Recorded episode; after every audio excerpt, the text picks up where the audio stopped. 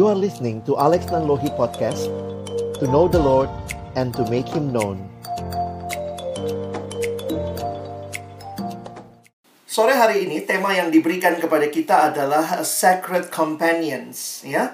Jadi saya pikir ini jadi satu hal yang menarik di tengah-tengah kehidupan kerohanian karena Tuhan menyediakan bagi kita uh, sahabat-sahabat rohani ya yang akan berjalan bersama dengan kita dan dalam konteks Bapak Ibu sekalian kita bicara bagaimana uh, kita bisa melihat tanggung jawab di dalam pelayanan khususnya Bapak Ibu yang terlibat dalam Positive Pals bisa melihat bagian ini sebagai satu anugerah yang Tuhan berikan untuk sama-sama kita lakukan. Bagian firman Tuhan yang mendasari perenungan kita saya ambil dari 2 Timotius pasal yang ketiga ayat 10 sampai ayat yang ke-17. Saya sudah menuliskan semua ayatnya di screen sehingga Bapak Ibu sekalian boleh melihatnya. Ini adalah surat Paulus kepada anak rohaninya Timotius. Saya pikir juga ini persahabatan yang unik Bapak Ibu ya. Antara Paulus dan Timotius dengan usia yang paling tidak berpaut sekitar 25 sampai 30 tahun ya. Paulus lebih tua daripada Timotius dan bagi saya ini persahabatan yang menarik untuk kita juga hayati dalam konteks uh, sacred companions. Ayat yang ke-10 mengatakan, Tetapi engkau telah mengikuti ajaranku, cara hidupku, pendirianku, imanku, kesabaranku, kasihku, dan ketekunanku. Engkau telah ikut menderita penganiayaan dan sengsara, seperti yang telah kuderita di Antioquia dan di Iconium dan di Listra. Semua penganiayaan itu kuderita, dan Tuhan telah melepaskan aku daripadanya.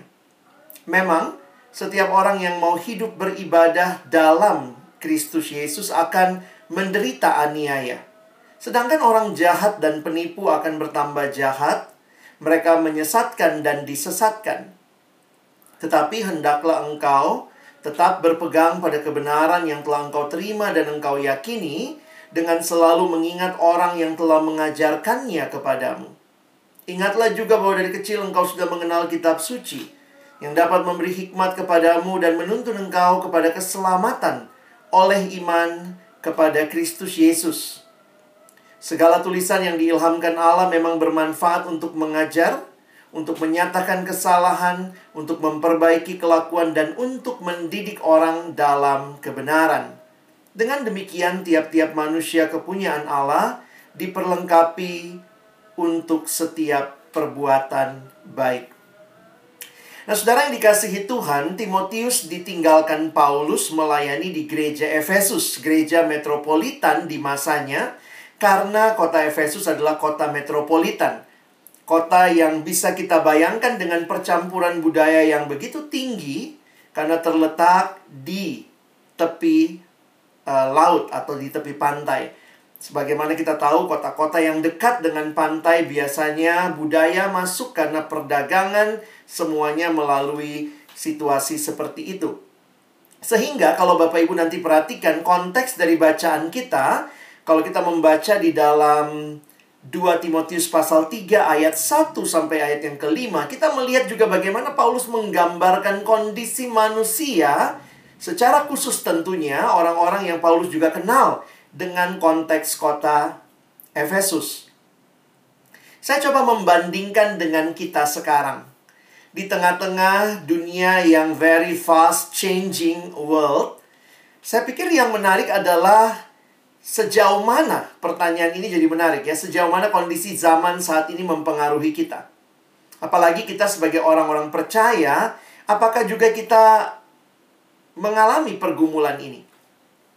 sekularisme di mana uh, memisahkan agama dengan keseharian begitu ya dengan negara dan seterusnya dan ini juga masuk ke berbagai sendi kehidupan. Puji Tuhan dalam institusi yang mungkin bernilaikan bercorakan Kristen tentu kita bisa menjaga hal ini. Tetapi realita dunia di mana kita hidup mengajarkan bahwa Allah simpanlah dia di wilayah private, jangan dibawa ke publik kalau di publik ya kita berbicara hal-hal yang lain. Jadi Kenapa saya angkat nilai-nilai ini? Karena kalau Bapak Ibu nanti juga menggali 2 Timotius 3, kita melihat nilai-nilai ini juga yang Paulus ingatkan kepada Timotius bahwa di tengah-tengah situasi yang Timotius hadapi dalam pelayanan di gereja Efesus, ada orang-orang yang tidak menghormati Allah, tidak mau mencari Allah. Ada istilah yang Paulus pakai di situ, tidak mempedulikan agama. Belum lagi ya ini nilai-nilai yang lain ya, pragmatisme, ya maunya yang gampang, ini generasi yang empang katanya, maunya enak dan gampang. Konsumerisme, hedonisme, lalu semuanya diukur dengan materi, semuanya diukur dari berapa banyak yang saya punya, bahkan punya orang pun kita bilang itu punya kita, begitu ya. Lalu kemudian dalam konteks kebenaran kita sudah masuk kepada post-truth. Dan juga realita ini kita lihat dalam situasi Bapak Ibu yang mengajar tentunya melihat juga bagaimana feeling diangkat begitu kuat ya. Tentu manusia tidak hanya feelingnya. Ada pikiran, knowledge, emosi, dan uh, perilaku. Tetapi generasi ini memang sedang mengangkat tinggi sekali feeling. Melampaui fakta ya. Sehingga uh, kita mendengar misalnya yang mengatakan just follow your heart, ikutin aja hatimu gitu ya.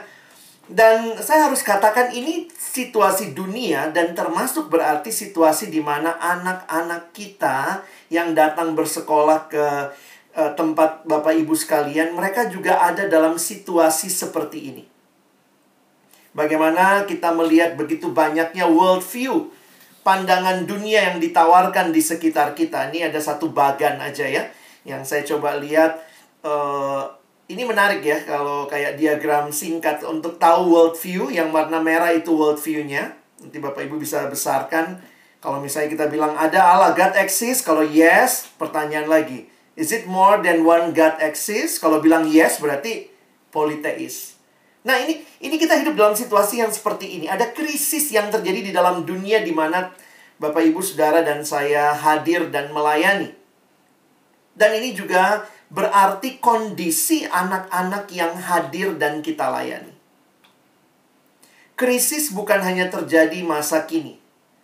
Pada waktu Paulus menuliskan surat 2 Timotius, pada saat itu juga krisis sekitar tahun 64 Masehi, ancaman besar melanda kekristenan di provinsi Asia. Asia bukan hanya nama benua, tetapi nama provinsi Romawi yang meliputi bagian barat Asia kecil. Sekarang itu di Turki bagian barat. Nah, Efesus sebagai ibu kotanya. Sedikit latar belakang kita bisa melihat Paulus menulis surat 2 Timotius dari Roma sebelah kiri paling atas dan Waktu itu Timotius sedang melayani di gereja Efesus. Lihat yang ada di tulisan Asia, ini ada kota Efesus ya. Nah, apa yang terjadi dalam kondisi waktu itu di abad pertama ada dua ancaman. Satu ancaman dari luar yaitu penganiayaan. Karena ada orang-orang yang tidak suka dengan kekristenan. Dan bukan hanya dari luar, dari dalam gereja sendiri juga ada ancaman dengan hadirnya guru-guru palsu dengan ajaran-ajaran yang menyesatkan. Jadi kita bisa lihat ancaman dari luar, orang-orang yang tidak suka dengan hidup orang Kristen, bukan karena mereka hidup nggak benar, justru karena mereka hidup benar, hidup kudus itu yang mereka dibenci. Jadi dari luar, dari dalam situasi seperti ini tentu tidak mudah bagi Timotius yang ditinggal Paulus melayani dan ditambah lagi Paulusnya sendiri ada di Roma bukannya lagi liburan Bapak Ibu sekalian. Tapi dia ditawan. Kenapa hal ini menarik untuk kita lihat? Saya coba memperhatikan baik kondisi masa lalu. Kekristenan mula-mula ada krisis yang dialami. Dan waktu kita melihat kondisi kita sekarang, saya pikir krisisnya juga sama memang mungkin tidak seperti dulu, penganiayaan yang dialami tidak seperti dulu, tetapi masih ada penganiayaan, masih ada. Tapi mungkin juga nilai-nilai yang tadi kita lihat di awal sedang masuk meresap begitu dalam di dalam keseharian manusia modern, termasuk anak-anak kita. Apa yang mau dicetak tanda kutip ya kalau kita pakai istilah apa yang mau dicetak yang dan dibentuk melalui sekolah Kristen citra kasih. apa yang Bapak Ibu sama-sama perjuangkan. Bapak Ibu sedang ada dalam krisis, dan anak-anak yang kita layani juga dalam krisis, krisis zaman yang menawarkan begitu banyak pandangan. Sehingga saya melihat ada beberapa hal yang Paulus sampaikan. Ada dua hal saja yang hari ini saya angkat, yang sekali lagi bicara tentang conviction. Bapak Ibu banyak hal kalau kita nggak yakin ngerjainnya pun pasti nggak benar atau bukan nggak benar aja ya tapi jadi nggak serius gitu ya tidak sungguh-sungguh bahkan tidak lahir dari hati yang menyadari bahwa ini memang penting. Bagi saya di tengah-tengah krisis yang Paulus alami dan Timotius alami di zamannya ada dua conviction, ada dua keyakinan yang Paulus bagikan kepada Timotius. Bapak Ibu bisa lihat salah satunya yang ini ya. Paulus mengingatkan, apa yang kau dengar daripadaku. Di depan banyak saksi, percayakanlah itu kepada orang-orang yang dapat dipercayai, yang juga cakap mengajar orang lain. Bapak Ibu, apa yang dimaksud dengan bagian ini?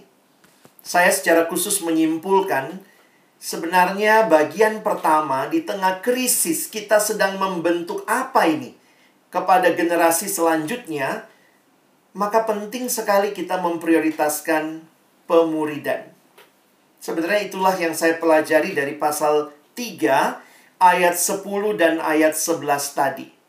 Coba Bapak Ibu lihat dulu ayatnya. Nah, ini saya dapat kartunnya. Ini kartun 2 Timotius. Memang maaf ya, ini karena kartun Korea. Waktu saya cari-cari dulu untuk retret siswa, eh dapatnya kartun Korea 2 Timotius. Makanya Paulusnya sipit, Timotiusnya juga sipit begitu ya. Kontekstual. Perhatikan ayat 10. Paulus mengatakan, tetapi engkau telah mengikuti ajaranku. Ada tujuh ku di situ. Ajaranku, cara hidupku, pendirianku, imanku, kesabaranku, kasihku, dan ketekunanku.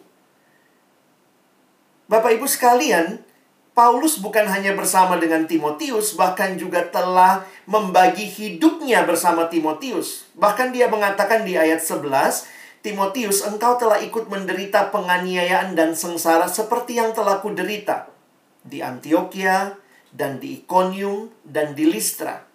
Semua penganiayaan itu kuderita dan Tuhan telah melepaskan aku daripadanya. Apa nasihat yang Paulus berikan kepada anak rohaninya Timotius di tengah-tengah situasi krisis pada masa itu? Paulus mengingatkan Timotius untuk tidak berhenti jadi murid Kristus. Dan kehidupan iman ini menarik sekali Paulus tegaskan tidak cukup hanya dibicarakan tetapi perlu ditransfer, perlu ada pemahaman, teladan, pengalaman iman dan interaksi yang utuh. Bagi saya ini pesan yang menarik untuk kita perhatikan. Bapak Ibu kita tentunya merindukan sebagai institusi yang merindukan membangun anak-anak dengan karakter yang baik di tengah krisis zaman ini Pertanyaannya, apakah kita hanya mengajarkan pendidikan semata-mata? Saya pikir puji Tuhan ada program di sekolah yang diupayakan, yang dirindukan di mana pemuridan terjadi dengan istilah yang Bapak Ibu pakai, positive pals. Nah pertanyaannya apakah ini keyakinan kita juga? Jangan-jangan cuma keyakinan pihak sekolah. Jangan-jangan cuma keyakinan pihak yayasan. Apa apakah kita juga melihat ini keyakinan yang kita dapat sebenarnya dari kitab suci? Bagaimana kita membentuk generasi ini tidak cukup hanya di khotbahin Bapak Ibu. Saya makin menyadari ketika gereja mulai belakangan sibuk semua bicara pemuridan, pemuridan, pemuridan. Kalau kami di pelayanan mahasiswa sudah lama bicara pemuridan karena memang itu yang kita lihat dalam uh, bagian yang Tuhan ingatkan tetapi apa yang terjadi bahwa ternyata kita makin menyadari membentuk orang itu bukan cuma dia supaya tahu. Kalau supaya tahu gampang dikasih les, suruh bagiin PowerPoint-nya semua dapat. Tetapi pentingnya pemuridan di mana ada hidup yang dibagikan. Bapak Ibu bisa tahu ajaran saya karena saya khotbah. Nah, itu gampang ya tahu ajaranku. Tapi bagaimana Bapak Ibu tahu cara hidup saya? Pendirian saya iman saya, kesabaran saya. Itu butuh sesuatu yang intentional, dekat, dan konsisten. Karena itulah saya pikir, mari kita memaknai kesempatan yang Tuhan berikan bukan hanya mengajar, tetapi juga memimpin kesempatan memimpin membentuk anak-anak kita ini. Bagaimana mereka bertahan dalam krisis? Biarlah mereka melihat hidup yang kita lalui juga, yang tentunya kita juga mengalami krisis, tetapi kita belajar dan berjuang dekat dengan Tuhan, dan mereka bisa melihat itu melalui apa? Kebersamaan kita as a sacred companions. Jadi memang ini jadi pesan penting ketika krisis terjadi, jangan lupa apa yang sedang kita bentuk krisis tidak meniadakan atau mematikan pembentukan generasi selanjutnya. Bahkan dari dalam penjara Paulus menyurati Timotius, engkau percayakan lagi kepada orang yang dapat dipercaya. Ketika satu waktu dalam sebuah retret, seorang teolog atau pengkhotbah bernama John Stott di akhir masa tuanya dia pamit dalam khotbah itu. Sebenarnya waktu itu ada acara besar di uh, pelayanan kami di Korea. Dan dalam khotbah perpisahannya dia mengkhotbahkan dua Timotius. Dan di akhir dua Timotius dia bertanya kepada semua yang hadir. Dia bertanya, "Siapa Paulusmu?" Jadi kita sebenarnya kita butuh mentor ke atas ya. Tapi kemudian dia tanya lagi, Siapa Timotiusmu? Who is your Timothy?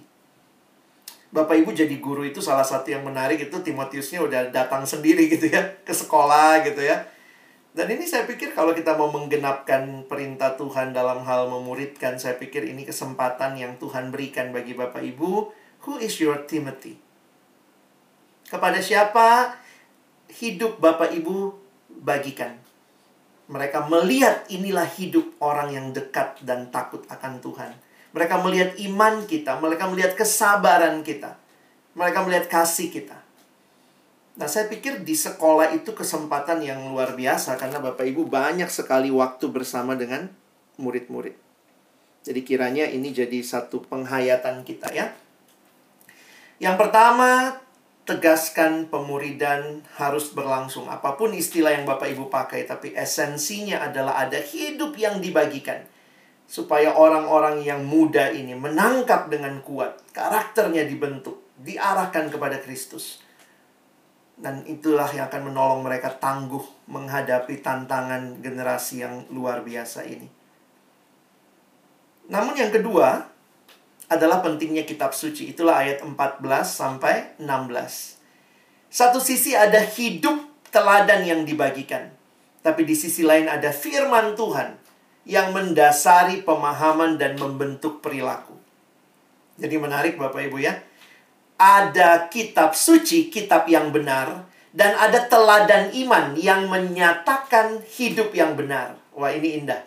Seperti sebuah koin bermata dua Ya, dua sisi. Satu sisi harus ada ajaran yang benar, kitab suci menjadi dasar landasan dan kedua ada hidup yang benar. Jadi ternyata dalam konteks krisis yang terjadi di mana orang tidak tahu lagi apa yang harus dipercaya, pentingnya kitab suci. Tapi kitab suci bukan hanya sesuatu yang teoritis, tapi mereka bisa lihat ada hidup orang-orang yang benar-benar melakukan kitab suci. Itulah yang Paulus lihat Itulah yang Timotius lihat dalam hidup Paulus. Paulus bukan hanya menegaskan ini Alkitab ya, ikutin. Tetapi dia kemudian menyatakan bagaimana dirinya. Itulah yang dia hidupi. Ayat yang ke-16 mengatakan segala tulisan diilhamkan Allah memang bermanfaat untuk mengajar, menyatakan kesalahan, memperbaiki kelakuan, dan untuk mendidik orang dalam kebenaran. Dengan demikian tiap-tiap manusia kepunyaan Allah diperlengkapi untuk setiap perbuatan baik. Lebih jauh lagi Mazmur 119 ayat 9. Bapak Ibu kita rindu anak-anak kita bukan anak-anak yang senang dengan pornografi, bukan anak yang senang dengan uh, uh, iri hati, akar pahit, ke apa ya kebusukan dalam hati, iri hati. Bagaimana menjaga mereka mempertahankan kelakuannya bersih? Dengan memberikan firman Tuhan. Dengan menolong mereka memahami firman Tuhan supaya akhirnya mereka belajar mengerti bahwa hidup mereka adalah hidup di hadapan Allah yang memberikan hidup ini bagi mereka. Alkitab harus jadi menu utama di dalam perjalanan kita bersama dengan adik-adik, anak-anak yang kita kasihi. The Bible will keep you from sin or sin will keep you from the Bible. Ini kalimat D.L. Moody. Dan lebih jauh dia mengingatkan the Bible was not given for our information but for our transformation. Alkitab diberikan untuk transformasi hidup kita. Makanya membaca Alkitab ya tidak dimaksudkan untuk sekedar menambah pengetahuan. Kita bukan belajar Alkitab untuk kuis. Memang beda ya kalau belajar agama ya belajar Alkitab karena ada ulangannya, ada ujiannya. Tapi kita mau belajar Alkitab untuk hidup. Bagaimana hidup yang sehari-hari harus kita jalani. Sehingga Bapak Ibu, saya rindu dua hal ini yang Bapak Ibu ingat ketika kita bersama-sama menjalani pelayanan kita, kebersamaan kita dengan murid-murid yang Tuhan hadirkan bagi kita di sekolah yang kita cintai ini. Saya tutup dengan satu refleksi sebenarnya dari satu buku yang saya baca. Buku ini adalah uh, Passion Generation. Kalau Bapak Ibu nanti bisa mencari buku ini, melihatnya gitu ya, saya nggak jualan khusus di sini ya. Tapi buku ini ditulis oleh pastor yang namanya Grant Skeldon. Nah ini dia ya, pastor tapi tatoan Bapak Ibu ya. Dia pastor milenial. yang menarik dalam tulisannya Grant Skeldon, dia menjadi jembatan sebenarnya antara generasi yang tua dengan generasi yang muda. Dan inilah yang juga dia selalu ingatkan ya bahwa dia kalau bicara sama yang muda dia ingatkan ya dalam relasi dengan yang tua. Demikian juga yang tua belajar memahami yang muda ya. E, kami sudah terjemahkan buku ini dan ada juga dalam bentuk e, PDF-nya begitu ya bisa cari di Google Play Store. Judul Indonesia-nya adalah Generasi Penuh Hasrat. Saya pikir baik sekali dibaca oleh um, pendidik, ya orang-orang yang bergerak dalam bidang pelayanan maupun juga buat orang tua, ya. Dan apa yang menarik bagi saya banyak hal yang menarik dalam buku ini, tapi yang saya garis bawahi adalah ini. Dia memberikan bagi saya pemahaman yang lebih utuh tentang pemuridan.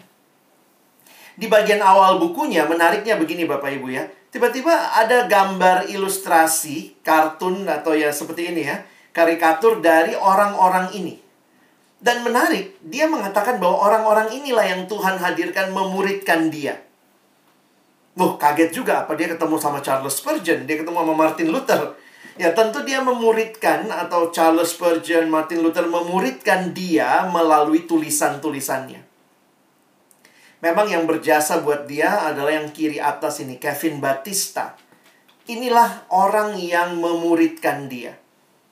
Dan bagi dia, Kevin telah membuka hidupnya dan membawa Grant Skeldon masuk melihat hidup Kevin. Jadi banyak kesaksian yang dia tuliskan bagaimana Kevin ini Tuhan pakai. Bukan jadi dia kemudian mengajak melihat ya, makanya ada ada diagram yang dia buat begini. Ya, Bapak Ibu bisa coba hayati sebentar ya.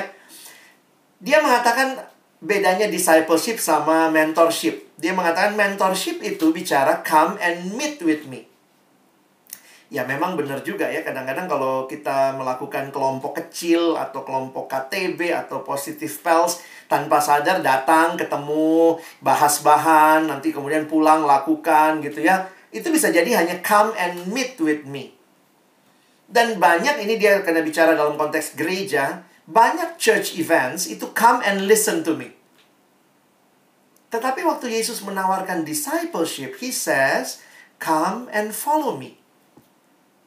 Jadi tentu kita nggak buang church events, kita nggak buang mentorship. It's part of the curriculum, it's part of big uh, uh, apa ya membangun karakter. Tetapi kita butuh discipleship. Discipleship secara sederhana saya ingatkan adalah ini. We journey together. Bagaimana Paulus berjalan bersama dengan Timotius. Paulus mengingatkan Timotius bahwa engkau telah ikutin aku. Aku pun belum sampai Timotius, aku juga masih terus berjalan. Sehingga di sini lebih daripada sekadar pertemuan mingguan yang rutin, tetapi ada kehidupan yang dibagikan. Dan ini yang kita lihat adalah ya kebersamaan itu. Nah tentu kebersamaan ini kan nggak ada kita yang tinggal sama murid-murid kita ya, kecuali itu anak kita sendiri. Tetapi paling tidak, waktu yang ada di sekolah itu lebih banyak. Dibanding anak itu mungkin sama orang tuanya kalau kita bicara sekolah. Sekarang dalam online ini pun tentu ya waktu belajar online, guru kasih tugas, hubungan itu ada. Sehingga bagi saya kiranya doa saya positif pals yang Bapak Ibu Saudara jadi tanggung jawab, mungkin juga harus dilaporkan. Biarlah ini menjadi satu hal yang kita sama-sama doakan, kita rindukan dan kita juga menjadikan ini sebagai kesempatan untuk membangun generasi yang Tuhan berikan bagi kita. Buku yang ditulis oleh David Banner, dari situlah tema kita ya, ditulisnya Sacred Companion. Sebenarnya menarik dia mengatakan, Spiritual friends help us most when they make clear that their job is to point the way, not to lead the way, and the way to which they should point is Jesus. Jadi, Bapak Ibu sekalian, Mari kita bawa anak-anak kita mengenal siapa Yesus. Itulah yang akan menolong mereka bertahan dalam dunia yang sulit ini. Ketika kita merindukan bahwa bukan hanya pelajaran yang mereka kuasai, tapi benar-benar hidup dekat dengan Tuhan karakter itu. Bagaimana membentuknya? Saya bersyukur Tuhan berikan kesempatan Bapak Ibu terlibat dalam satu sebuah apa ya desain ya project atau program yang didesain untuk terjadinya sacred companions ini. Seperti Paulus mengatakan, jadilah pengikutku, sama seperti aku jadi pengikut Kristus. Paulus belum berkata, aku sudah tamat jadi pengikut. No. You must follow my, as my example as I follow the example of Christ. Ini sebuah perjalanan bersama dan kiranya kita menikmati Bagaimana ketika itu bukan bukan hanya Tuhan membentuk anak-anak kita ya. Dalam banyak hal saya bersyukur karena ketika saya memimpin uh, kelompok kecil, memimpin KTB, saya rasanya membentuk hidup orang. Tetapi at the same time, waktu saya membagi hidup saya, Tuhan pun sedang membentuk saya melalui mereka. Tuhan aja bilang gitu ya, belajar dari anak kecil ini. Bukan cuma anak kecil, semut aja disuruh belajar dari semut ya. Sehingga justru dalam situasi dunia seperti ini, Tuhan juga sedang menumbuhkan Bapak, Ibu, dan saya. Krisis itu bukan cuma miliknya orang muda, sekarang mereka generasi yang sulit begitu ya. Tapi juga bagi kita yang mungkin di tengah-tengah berbagai himpitan pergumulan, mungkin juga nilai-nilai yang kita miliki sudah makin mirip dunia, bukan mirip Kristus. Ketika Tuhan percayakan ada anak-anak yang kita bangun hidupnya, Kadang-kadang kita jadi berpikir ulang tentang nilai-nilai kita ya. Aku ngajarin begini, aku begitu nggak ya? Tapi ini jadi bagian yang saya pikir iya benar.